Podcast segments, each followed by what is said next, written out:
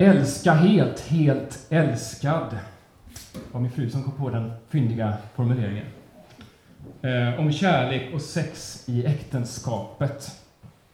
Ett självmordsuppdrag kan man tycka, att ta på sig ett sånt ämne. Men eh, jag har inte så mycket självbevarelsedrift. Så här står jag. Eh, och eh, det var så när jag växte upp, Eh, när det gällde det här ämnet eh, med sex i en kristen kontext, eh, att man fick liksom eh, en liten eh, generad bisats här och där om att eh, det här är inte okej. Okay. Eller möjligen att det här är okej. Okay. inga följdfrågor och så någon svårtolkad bibeltext. Och det var liksom den andliga vägledning man fick på det här området. Eh, samtidigt som man var full av tonårshormoner, bombarderades av samhällets alla eh, tio tips för ett fantastiskt sexliv eh, och liksom, ni vet, nakna tjejer på media. Eh, och så skulle man försöka hitta någon slags eh, vägledning själv då som, som tonåring. Men vad, eh, hur, hur ska man hantera det här som, som kristen? Jag vet inte om det är någon som känner igen sig lite grann i detta. Jag tror inte att jag var helt ensam. Fast vi pratade inte om det.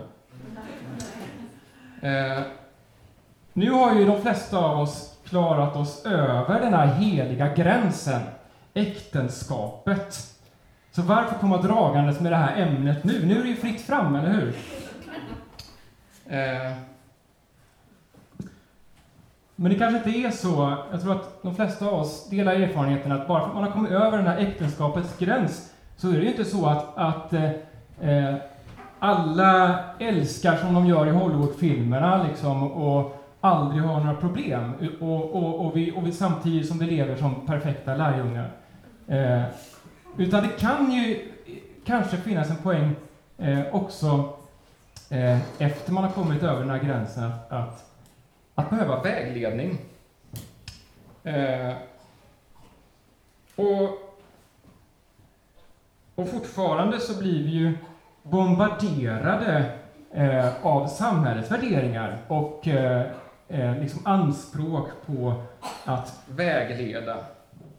Och det, det budskapet vi får, det är ju att sex är ett nöje som alla andra. Så ofta borde ni ha sex. Så bra sex måste ni ha. Och framför allt, alla andra älskar som de gör i Hollywoodfilmerna. Och fortfarande så är den kristna vägledningen vi får ofta begränsad till det här är okej, okay, det här är inte okej. Okay. Och så några svårtolkade bibeltexter. Men för hjälp och vägledning så blir vi ofta hänvisade till veckotidningarnas tio snabba tips för ett perfekt sexliv. Vi har vårt eh, sociala liv. Eh, vi har vårt arbete, vi har vår gudsrelation och så har vi vårt sexliv, vårt samliv, vår sexualitet. Och instinktivt så vet vi ju alla att det här är någonting viktigt. Och därför så tror jag att vi behöver prata om det. Eh, det finns ju ett sunt tigande naturligtvis. Vi ska ju inte bre ut oss om våra sexliv. Eh, det är någonting intimt, någonting heligt, någonting hemligt. Eh, men när vi inte talar om, när vi inte får någon vägledning om vad, vad Gud har tänkt med det, eh, så blir det liksom ett, ett vakuum, ett mörker. Och det vet vi att det är i mörkret som den onde verkar. Medan Guds nåd och Guds kärlek och Guds befrielse verkar i ljuset. Jag kommer inte att fokusera idag på vad som är okej okay och vad som inte är okej. Okay. Jag tror att det ger sig självt om vi kan greppa Eh, vad är poängen? Vad har Gud skapat det här för? Därför att det är faktiskt en, en gåva ifrån Gud. Det är inte så att Gud har tänkt, ah, helst skulle jag inte vilja att ni höll på med det här, men okej okay då. För att ni ska få ha lite kul, eller så. Eh, utan om det är så att sex och kärlek hör ihop, och Gud är kärleken själv, så kan ju inte det här med sex vara någonting perifert, någonting i utkanten av Guds plan och tanke och skapelse. Utan jag tror att det finns i centrum på något sätt. Och på samma sätt som Gud är hel och odelad, så är vi skapade till att vara hela. Det är ju det det handlar om, det här lägret. Och kropp, själ och ande eh, är en enhet som vi inte kan skilja åt, det vet vi idag. Det hänger ihop och det påverkar varandra. Vårt sociala liv, vårt arbete, vår gudsrelation och vårt sexliv, det påverkar vartannat, alltihop. Och vi är skapade till att vara hela och fria människor på alla områden. Jag har inte valt det här ämnet för att jag har lyckats liksom gå ren och obefläckad igenom det här. Liksom. Eh, jag är inte heller någon eh, sexolog som kan liksom eh, förklara hur man ska ha ett, ett fantastiskt sexliv. Jag är liksom så långt ifrån expert man kan komma överhuvudtaget. Utan anledningen att jag har tagit upp det här självmordsuppdraget, det är just att, att jag har saknat det. Jag har saknat vägledning och därför har jag kämpat. Eh, och eh, och jag har också fått eh, eh, ibland uppleva Guds nåd, Guds barmhärtighet och Guds helande där det har blivit fel. Och fått lära mig lite grann. Men det är en lång, lång väg. Eh, en del har jag lärt mig av en del som jag kommer prata om eh, kommer från eh, två böcker Eh, jag tänkte jag ska lämna dem här så kan ni eh, titta på dem om ni vill. Den ena är skriven av syster Sofie och heter Till man och kvinna skapar han dem. En introduktion till kroppens teologi. Några av er har säkert läst den. En fantastisk bok eh, som är... Eh, E, den bygger på eh, Johannes Paulus 2 eh, hade Eh, en, serie, en lång serie föreläsningar om kroppens teologi. Eh, och det här är en, en lite mer lättförståelig version. En jättefin bok eh, som just eh, skjuter in sig på det viktiga. Vad är, vad är poängen? Vad är meningen? Vad har Gud skapat det här för? Så det, det är liksom en, en, teologisk bok, men väldigt levande och eh, väldigt eh, livgivande, om man ska säga. Den andra heter Sacred Sex. Den tror jag kanske ingen av er har läst. Tim Allen Gardner heter han som har skrivit den. Eh, och den här är lite mera eh, inriktad på eh, liksom det praktiska parrelationen Eh, och eh, vad Gud har skapat det här för eh, och hur det hänger ihop. Det är samtalsfrågor i slutet av varje kapitel. Så det här är lite mer av en handbok, skulle man kunna säga. Jag skulle vilja ha, bygga en grund innan jag går in. Det här är fortfarande inledningen. Jag skulle vilja bygga en grund innan jag fortsätter, som jag tänker att allt annat vilar på. Eh, och det är från Romarbrevet kapitel 3, vers 23 där det står så här. Alla har syndat och gått miste om härligheten från Gud. Och utan att ha förtjänat det blir de rättfärdiga av hans nåd, eftersom han har friköpt dem genom Jesus Kristus. Låt oss bara liksom manifestera i början. Vi har alla misslyckats på det här området. Ingen enda av oss har gått ren och obefläckad eh, genom livet. Eh, även om vi inte pratar om det. Man tror att alla andra är säkert perfekta. Men det finns nåd i överflöd till oss alla. Alla har vi misslyckats, det finns nåd i överflöd till oss alla.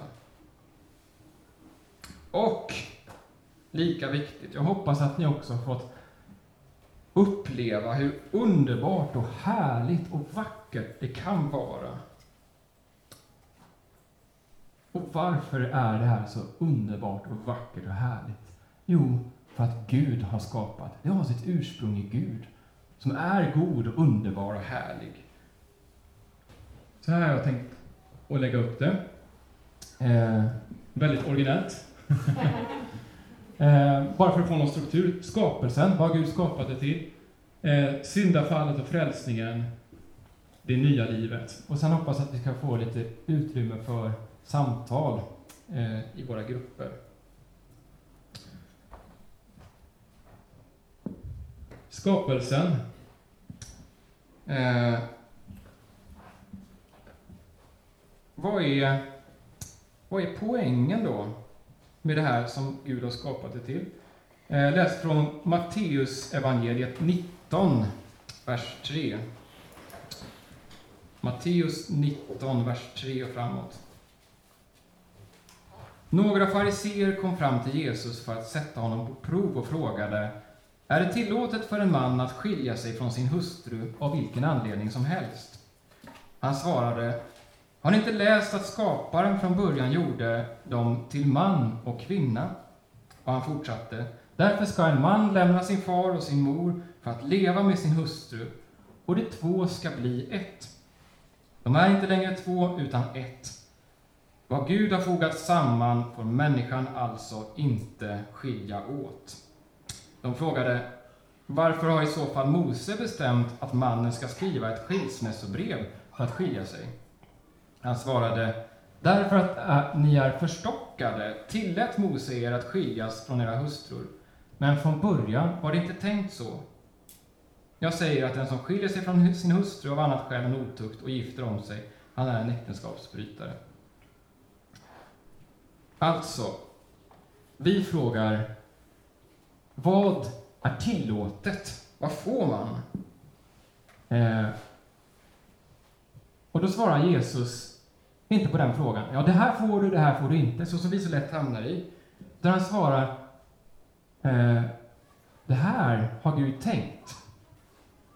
Vad har Gud skapat det för? Vad är själva poängen med samlivet?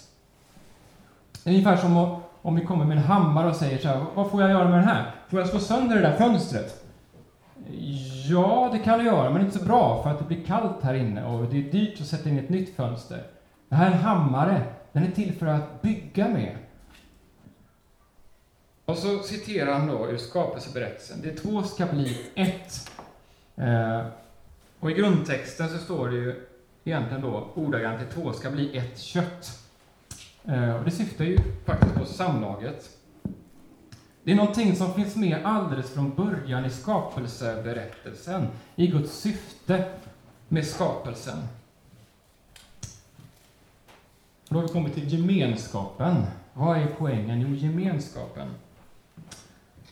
Det finns två skapelseberättelser eh, som är lite invävda i varandra. Den första är den yngre. Där står det så här. Eh, Gud skapade människan till sin avbild. Till Guds avbild skapade han henne. Som man och kvinna skapade han dem. Vilket antyder att mannen och kvinnan tillsammans är Guds avbild. Eh, och ni som har biblar kan slå upp första Mosebok 2. Jag kommer att följa lite grann eh, det som står där. Eh, och eh, där har vi den andra skapelseberättelsen som är den lite äldre. Eh, och där står det då i, i vers 7. Då formade Herren Gud människan av jord från marken och blåste in liv genom hennes näsborrar så att hon blev en levande varelse. Och sen i vers 18 så står det, Herren Gud sa, det är inte bra att mannen är ensam, jag ska ge honom någon som kan vara honom till hjälp. Här används ordet ha-adam, på hebreiska. Eh, det är ju därav namnet Adam kommer sen. Som ordagrant betyder jord. Och först översätts det med människan. Eh, och sen översätts det med mannen. Gud skapade Ha-Adam, människan, av jord. Och sen i vers 18 så står det, det är inte bra att Ha-Adam, mannen, är ensam. Samma ord skulle lika gärna kunna översättas, det är inte bra att människan är ensam. Ensam kan människan inte bli Guds avbild fullt ut eftersom Gud är kärlek. Och kärlek kan ju bara finnas i relation till någon annan. Jag kan inte... Eh, om jag älskar mig själv så blir det ju inte kärlek på det viset, om jag vore ensam i hela världen. Och Gud var kärlek redan innan människan skapades. Därför att Gud är gemenskap i sig själv. Vi tror ju på en treenig Gud. Fadern som ger all sin kärlek till Sonen. Sonen som tjänar Fadern och gör allt för att upphöja Fadern. Och den helige Ande som liksom döljer sig själv för att, för att visa eh, människor, leda människor till Sonen som ärar Fadern. Eh, och som är liksom själva kärleksbandet dem emellan. Det finns ett, ett kärleksflöde mellan Fadern och Sonen och Anden. Där ingen ställer sig själv i centrum, utan de ger sig själva till varandra, upphöjer och ärar varandra.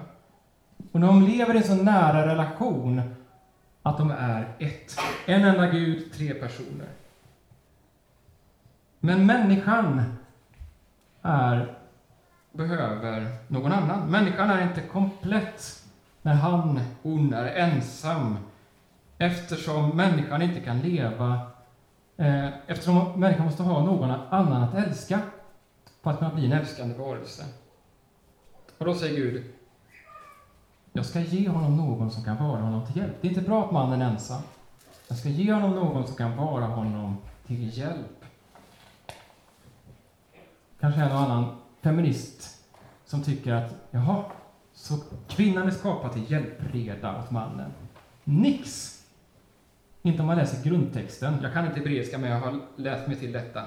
Eser, eller hur det uttalas, eh, som används för hjälp, det används i övrigt i Bibeln bara om Guds hjälp. Hur Gud hjälper människan. Så skapar Gud djuren och för fram dem till Adam. Så ger han namn till dem, det känner ni till. Eh, men ingen av dem kunde vara honom till hjälp. Ingen kunde hjälpa honom ur hans ensamhet. Och så kommer vi till vers 21 i kapitel 2. Då försänkte Herren Gud mannen i dvala. Och när han sov tog Gud ett av hans revben och fyllde igen hålet med kött.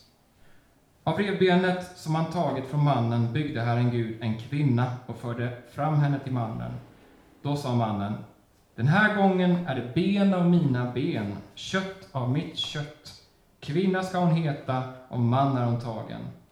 Och här kommer det då. Det är därför en man lämnar sin far och sin mor för att leva med sin hustru, och det blir ett kött, som det står i grundtexten. Kvinna ska hon heta, ja, man är hon tagen. Det är först nu i grundtexten som orden kvinna, isha, och man, ish, används. Och Johannes Paulus den andra då eh, menar att det som sägs före det här om mannen, ha-adam, eh, det gäller människan. Man som kvinna. Men nu ser mannen på kvinnan och säger, hon är kött av mitt kött, ben av mitt ben. Vi är olika, men vi är av samma väsen. Vi hör ihop. Tillsammans kan vi manifestera Guds avbild. Tillsammans kan vi manifestera kärleken genom att ge våra liv till varandra så som Gud ger sitt liv till varandra inom treenigheten och som får sitt fullödigaste uttryck naturligtvis när Jesus ger sitt liv för världen.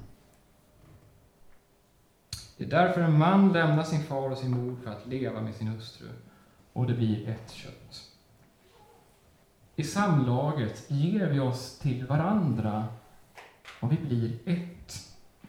Det är en manifestation av Guds väsen, av Gud, av kärleken själv. Och ur det skapas nytt liv. Det här betyder naturligtvis inte att eh, den som ännu inte har hittat någon, eller den som har valt att leva i celibat, skulle vara mindre Guds avbild. Eh, min syster till exempel, är nunna, och har valt celibatet. Eh, det är ett annat sätt att uttrycka Guds självutgivande kärlek. Man kallar det för att det är som att gifta sig med Gud. Man eh, lever den direkt till Gud och man lever ut den till hela mänskligheten, den självutgivande kärleken. Ingen människa är själv. Men äktenskapet, det gör det inte mindre. Det är ett fantastiskt sätt att manifestera Guds avbild, Guds väsen. Det här får ju konsekvensen då att meningen med sex, tvärt vad samhället säger, inte är själva njutningen. Meningen är närheten, gemenskapen, kärleken. Det som vi är skapade till. På samma sätt som kärlek inte är en känsla utan ett val. Detta är kärleken, inte att vi har älskat Gud, utan att han har älskat oss och gett sitt liv för oss. Det är att välja att jag vill ge mitt liv till dig. Jag vill att du ska ha det bra. Och det här kan ju låta lite tråkigt kanske, men i själva verket är det väldigt befriande. Därför att det gör kärleken meningsfull, också de stunder när vi inte känner de ljuva känslorna. Och det gör sex meningsfullt också de gånger som det inte blev riktigt som vi hade tänkt oss. Därför att vi har gett oss själva till varandra. Vi har varit nära varandra. Vi har manifesterat den närhet, den gemenskap, den kärlek som vi är skapade till. Förr i tiden så, så var det samlaget som befäste äktenskapet. Utan det så var det inte giltigt. Och man skulle kanske till och med kunna säga att samlaget kan vara som en slags äktenskapsförnyelse. Ja, jag vill fortfarande ha dig. Ja, jag vill fortfarande ge mig själv till dig. Han vill att vi ska vara ett. Och när vi vet att meningen med sex inte är själva njutningen så blir det paradoxalt nog också lättare att njuta. Prestationskrampen släpper och det blir lättare att ta emot och ge njutningen som en oförtjänt gåva. En gåva som vi ibland får ta emot av nåd, men som vi aldrig någonsin har rätt till. Nu har vi kommit till nakenheten. Vers 25. Både mannen och kvinnan var nakna och kände ingen blygsel för varandra. Adam och Eva var kroppsligt, själsligt och andligt helt öppna mot varandra och mot Gud. De accepterade sig själva och sin partner fullt ut så som de var. Inga villkor, inga förbehåll, ingen skam, ingen rädsla. Skammen kommer aldrig från Gud. Skammen kommer från den onde, som vi ska se sen. Och befrielsen från skammen kommer från Jesus. Men även efter syndafallet, efter alla våra misslyckanden, efter allt som är trasigt och halvdant, så finns det inga kroppsliga skavanker, inga orena tankar, inga syndiga handlingar som kan ändra eller rubba Guds kärlek en millimeter till dig och mig. Varför då? för att han älskar oss för de vi är, för de vi är skapade till Guds barn. Och det finns ingenting som kan ändra på det. Som jag sa i början så hänger det andliga och det kroppsliga ihop. När vi vågar vara nakna och öppna inför Gud så tror jag att det är lättare att vara det också inför varandra. När vi vågar tro att vi är älskade med alla våra kroppsliga knasigheter och alla våra själsliga skavanker. Ja, då kan vi också älska vår partner med alla skavanker som den har. Och våga tro att vi också är älskade av vår partner. Så som vi är. Och det är lätt att hitta fel på dig själv och din partner. Ja, det är du inte ensam om, för det första. Eller vågar du tro att du är allt vad din partner behöver? Och din partner är allt vad du behöver. Det betyder inte förstås att det inte finns saker som inte är som det ska. Eh, men när vi vågar lita på att vi är älskade och accepterade med våra fel och brister, så blir det så mycket lättare att också våga se och våga ta tag i det som inte är bra. Och då har vi kommit in på den andra delen. Syndafallet och frälsningen. Ormen, skammen och korset kommer det handla om.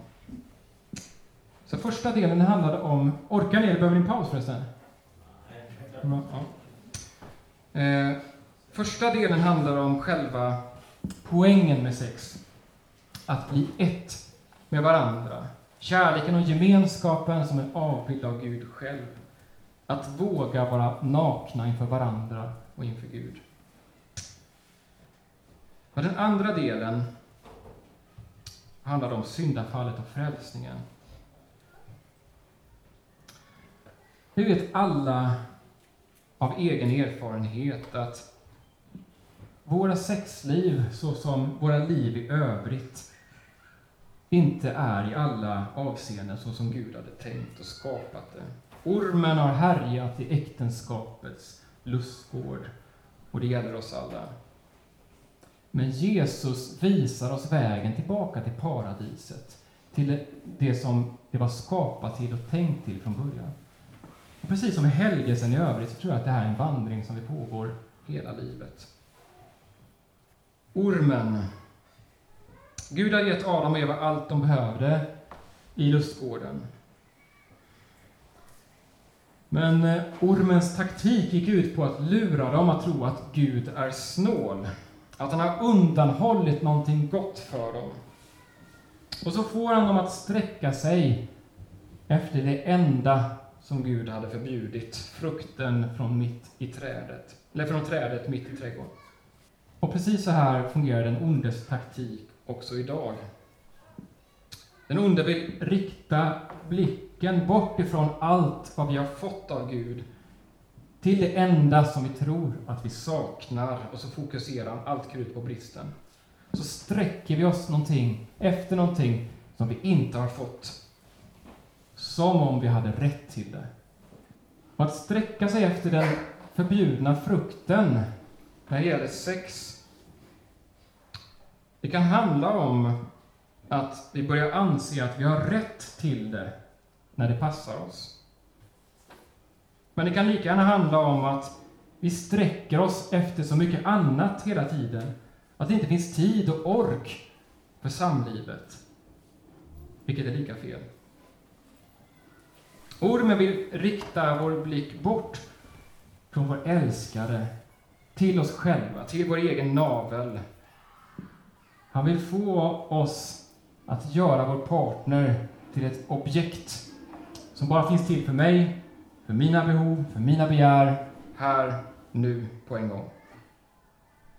Och istället för att ge oss själva till varandra, så börjar vi äta av varandra, så som Adam och Eva åt av frukten. Och nu kommer skammen, andra biten där. Adam och Eva skyler sig med fikonblad för varandra och de gömmer sig för Gud. Skammen är alltså inte någonting som kommer från Gud, det är någonting som kommer från den onde. Och så vandrar Herren Gud i trädgården och ropar Var är du? Var är du? Tänk om vi alltid vågade komma fram när vi gjort fel och ropa Här är jag!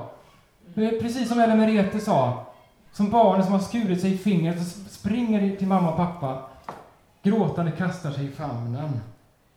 Så mycket enklare det hade blivit. Synden är egentligen inget problem i sig.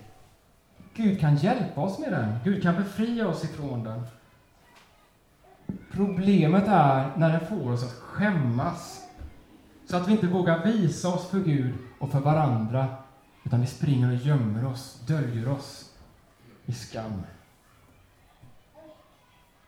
Och så växer avståndet till Gud och till varandra och synden kan växa och frodas så som den vill.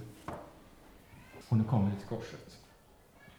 Just därför är det så avgörande att vi kommer till korset med allt, som barnet som kastar sig i mammas famn. Korset är för synden som solen är för trollen. Solen förvandlar trollen till sten. När vi tar fram synden inför ljuset från korset så förvandlas den till sten, till någonting ofarligt som inte kan skada oss. Förlåtelsen bryter udden av synden och ger oss möjlighet att börja om på nytt. Jag tjatar om det här, eftersom kropp, själ och ande hänger ihop påverkar alla oförlåtliga synder sexlivet. Men det blir särskilt tydligt när det gäller sexuella synder. Och av någon outgrundlig anledning så verkar det som om vi tror kanske att det är extra svårt att få förlåtelse för sexuella synder. Var vi har fått det ifrån vet jag inte, förmodligen från den onde, för det står banne mig inte i Bibeln. Det som står i Bibeln är alla har syndat och gått miste om härligheten från Gud och utan att ha förtjänat det blir de rättfärdiga av hans nåd eftersom han har friköpt dem genom Kristus Jesus. Det var grunden som vi började i. Och den blir väldigt viktig att hålla fast när jag kommer till den här biten. Jag kommer att säga någonting som kanske gör ont för några. Jag skulle bli väldigt förvånad om det inte var några som tittar på porr här ikväll. Känner du dig träffad så vill jag säga Jesus vet. Jesus älskar dig. Säger det igen. Jesus vet. Jesus älskar dig. Skammen kommer inte från Gud. Men du behöver hjälp för att sluta. Pornografi är inte en synd, eh, jag tror det kommer från syster Sofie, det är inte en, en synd för att det visar för mycket av människan. Det är inte skamligt med nakna kroppar. Gud har ju skapat dem fantastiskt vackra. Pornografi är synd för att det visar för lite av människan. Det reducerar människan till kropp, till ett objekt som finns till för att tillfredsställa våra begär. Och det säger sig självt att, att konsumera det här påverkar vårt sexliv negativt. I den bemärkelse som Gud har skapat det till att vara. Eh, och det här är en kraft som är precis lika stark som alkoholism eller andra beroenden. Eh, och vi behöver ta fram det ljuset om vi ska kunna, och vi behöver kunna vi behöver bryta med det totalt om vi ska bli fria från detta. pornografi är ett troll som härjar i mörkret. Och det är väldigt vanligt också bland kristna. Andra troll som kan härja i mörkret och hindra oss från att våga ge oss själva helt till varandra kan vara tidiga sexuella erfarenheter. Där du har trätt över en gräns som du ångrade, eller någon annan har trätt över en gräns gentemot dig som har skadat dig. Också här, Jesus vet, Jesus älskar dig. Det finns helande befrielse. Det är inte farligt. Vi kan vara nakna inför Gud. Onani kan bli ett troll som härjar i mörkret. Jag kan inte hitta några tydliga anvisningar i Bibeln till om det här är rätt eller fel. Det här var en av de där grejerna som kom i en bisats någon gång när man var konfirmand eller så. Eh, eh, idag har jag svårt att tro att det är synd i sig att röra i sin kropp. Gud har skapat den så som den är, med alla funktioner. Men om vi tar in pornografi, eller om vi fantiserar om någon annan än vår livskamrat, så blir det till synd. Eller om det är någonting som vi gör för att det är enklare än att vara tillsammans, så att det leder oss bort ifrån varandra, så blir det en synd. Poängen med att ta upp de här tabuämnena är inte att predika moral. Poängen är att jag tror att det måste fram i ljuset. Vi måste våga prata med vår livskamrat om det. Eller med någon som har tystnadsplikt kanske. Och vi behöver hjälp att se vad som är skadligt och vad som är sunt. Och vi behöver hjälp med att bryta med det som är skadligt. Och det kommer den sista delen att handla om. Det nya livet. Bryta med synden, att avstå och ta emot. Och så kommer jag sluta med det som är rubriken Älska helt, helt älskad. Den andra delen som är, handlade alltså om ormen som vill få oss att äta varandra istället för att ge oss själva till varandra. Vi har sett att skammen kommer från den onde, drar oss bort ifrån Gud och från varandra. Vi har sett att ljuset från korset oskadliggör det onda så att vi kan hitta tillbaka till varandra, börja om på nytt. Att bryta med synden då, att bekänna inför Jesus eh, är gott och bra, men när det gäller beteenden som vi sitter fast i och har svårt att bryta, så tror jag att bikten är åtminstone till väldigt stor hjälp, nästintill nödvändig. Därför att det tar udden av skammen. Och det är så svårt att berätta för en annan människa det som jag skäms så förtvivlat för.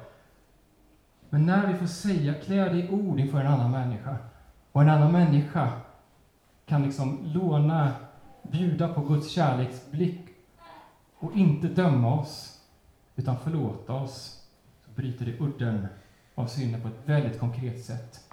Och det är bra också på ett annat sätt, nämligen att jag även om det stannar inom rummets fyra väggar, så har jag på något sätt gjort det offentligt. Jag kan inte längre eh, vara i det här diffusa, liksom, att, att lite förlåten, lite halka tillbaka, utan det blir en brytpunkt. Eh, jag kan komma tillbaka eh, till ett uppföljningssamtal och se hur gick det. Eh, jag kan få vägledning i eh, hur jag ska få hjälp i det nya livet. Därför att förlåtelsen är alltid tänkt som början till ett nytt liv. Vi kan falla igen, men det är alltid början på ett nytt liv. Man skulle kunna beskriva processen så här. Eh, och det har jag fått från en förkunnare som heter Tim Humphrey. För det första, förstå att det är fel. Och det här är ju en av poängerna med att vi behöver prata om det. Och lära oss att urskilja vad som är rätt och vad som är fel. Och när vi har förstått då att ja, men det här är fel, det här är inte Guds vilja. Eh, så är det andra steget då omvändelse. Att vända oss bort från det som är fel och vända oss till Jesus. Vi tar avstånd på ett tydligt sätt. Jag vill lämna detta. Eh, jag kommer som barnet i famnen på Jesus. Och sen, först på tre, steg tre, kommer ta emot förlåtelsen. Be om förlåtelse och ta emot förlåtelse. Lika viktigt. Och så kommer det fjärde steget. Att stå emot. Jesus har besegrat den onde. Vi är fria, vi är Guds barn. Och vi kan ta hjälp av Jesu auktoritet, säga jag tillhör inte dig, jag tillhör inte den onde, jag tillhör Jesus. Jesus har besegrat, du har inte makten över mig, jag tar avstånd ifrån dig. Jag står emot. Jag säger nej. Och så femte och sista steget, att ersätta. Att utveckla nya vanor. Ofta kan en synd ha sin rot i ett ouppfyllt behov. Och det är först när det här behovet har blivit tillgodosett som vi klarar av att ändra vårt beteende. Till exempel, jag har så lätt för att hitta fel hos min partner eller hitta fel hos mig själv. Och då kan det vara ett ouppfyllt behov. Eh, att jag inte tagit emot att jag är älskad som jag är med mina fel och brister. Och det är först när det behovet får bli uppfyllt som jag också klarar av att bryta med synden, att hitta fel. Det kan också handla om att bestämma rutiner som skyddar oss från frestelser. Till exempel att inte sitta själv framför datorn när de andra har lagt sig. Eller vad det nu kan vara. Så att förstå att det är fel, omvända sig från det till Jesus, ta emot förlåtelsen, stå emot, ersätta med någonting nytt. Och då har vi kommit till den andra punkten där, att avstå och att ta emot. Börjar lätta lite grann från de riktigt tunga bitarna. Nu ska vi nämligen äntligen få ett eh, fantastiskt tips för ett bättre sexliv. Och jag kan lova att ni aldrig har läst det i någon veckotidning. Kyskhet. Har ni läst det någon gång i veck veckotidning? Bästa tipset för ett bättre sexliv. Kyskhet. Det låter bakvänt, men det är ofta så i Guds värld. Det är en paradox. Det som gäller i det andliga livet gäller också i samlivet, eftersom Gud har skapat livet som en helhet. Jag ska försöka förklara det här med två grekiska ord för kärlek. Jag tror ni känner igen dem båda. Eros och agape. Eros, som är därifrån vi har fått ordet erotik, eh, står för vår längtan efter närhet. Jag vill ha dig, jag behöver dig. Medan agape handlar om att avstå från någonting eget av kärlek till den andra. Jag vill ge dig, jag vill att du ska ha det bra. Det är kärleken som offrar sig själv för den andra. Jag tror att båda de här är lika viktiga för en god relation, för ett gott samliv. Att vi vill ha varandra är förstås på något sätt grunden. Saknas lusten, ja då behöver vi prata om det. Hur kan vi ge mer utrymme för det? Det är inte så som en del tror att lusten på något slags magiskt konstigt sätt bara försvinner. Då är det dags att hitta en ny. Det finns alltid anledningar. Då kan man prata med varandra om hur kan vi ge utrymme för att lusten ska få utrymme att växa och blomma. Men kyskheten då, att kunna avstå, är lika viktig. Därför att för att sex inte ska bli till en rättighet. För att den andra inte ska bli till ett objekt som finns till för att tillfredsställa mina begär. För att sex inte ska bli en prestation som handlar om att leverera och ta emot så mycket njutning som möjligt. Vilket paradoxalt nog har en tendens att blockera oss just för njutningen. Jag brukar försöka utgå från noll. All närhet och njutning är en bonus, en gåva, en nåd. Och det har gjort det lättare både att njuta och att avstå. fyller en med tacksamhet istället för frustration. Tills man glömmer bort sig och faller. Och så reser man sig igen. Så är det ju. Eh, I ortodoxa kyrkan så är det så att eh, där har man en tradition att man eh, fastar från sexlivet under den stora fastan, under 40 dagar, till påskdagen. Och det är ett sätt att ge mer utrymme eh, för gudsrelationen, att fokusera odelat på Gud. Att utveckla andra sidor i parrelationen. Och att inte ta den här fantastiska gåvan som samlivet är för given. Jag och Anna-Lena har gjort det här de senaste åren. För oss har det varit en välsignelse. För relationen som helhet och för samlivet. Så släng eh, veckotidningens tio snabba tips och ta emot det här. Kyskhet. Funkar för ett bättre sexliv. Och då har vi kommit till den sista, allra sista. Älska helt, helt älskad. Och då vill jag sluta där jag började. Allting hänger ihop. Vårt sociala liv, vårt arbete, vår gudsrelation, vårt sexliv. Vi kan inte skilja dem åt. Och Det betyder att förutsättningarna för ett gott samliv hänger ihop med allt annat. Det som fungerar bra påverkar samlivet positivt. Det som fungerar dåligt påverkar samlivet negativt. Det är väl inga nyheter, men det kan tåla att sägas. Att vårda vår gudsrelation eller att jobba på att få rimliga arbetstider kan därför vara ett sätt att få ett bättre sexliv.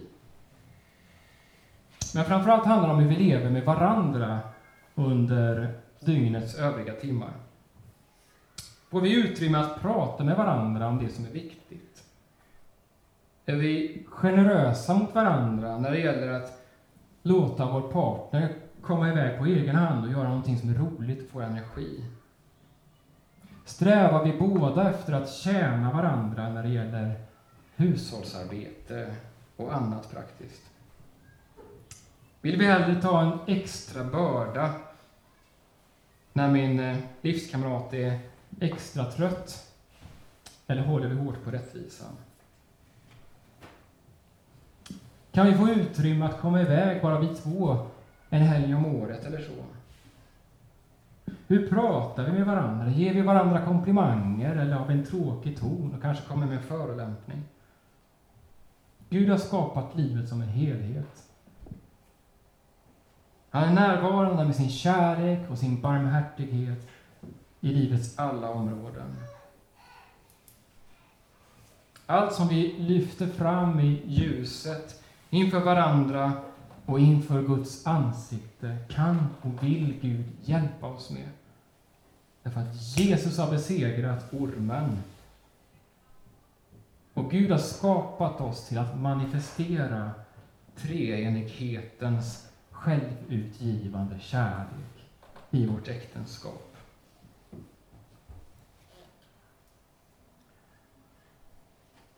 Älska helt.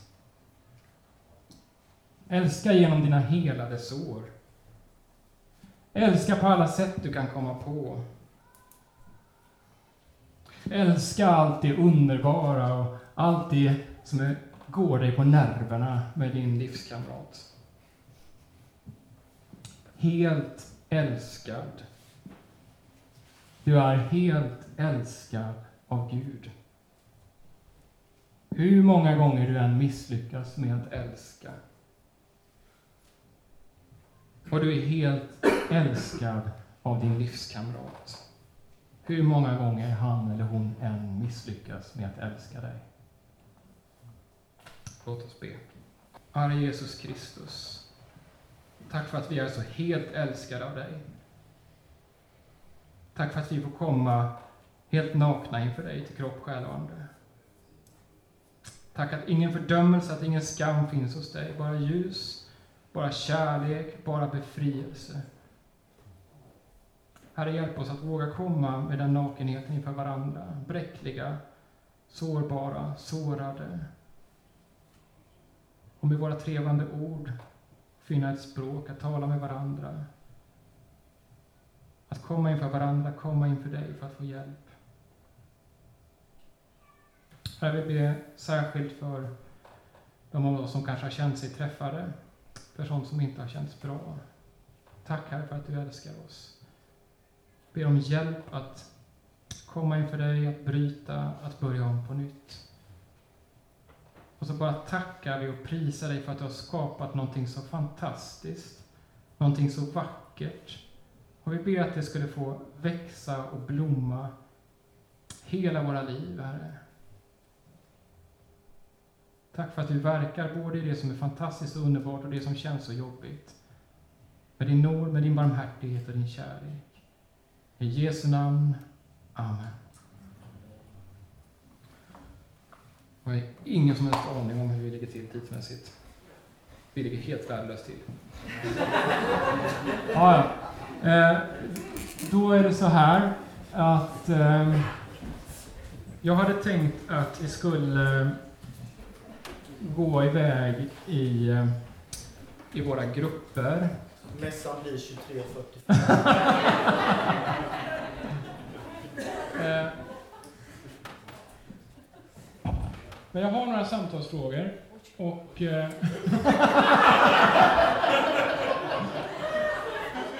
Det här var bara för att ha någonting att hålla sig eh, och frågan är om det är ens någon idé att vi sitter och vänder oss mot dem som sitter här.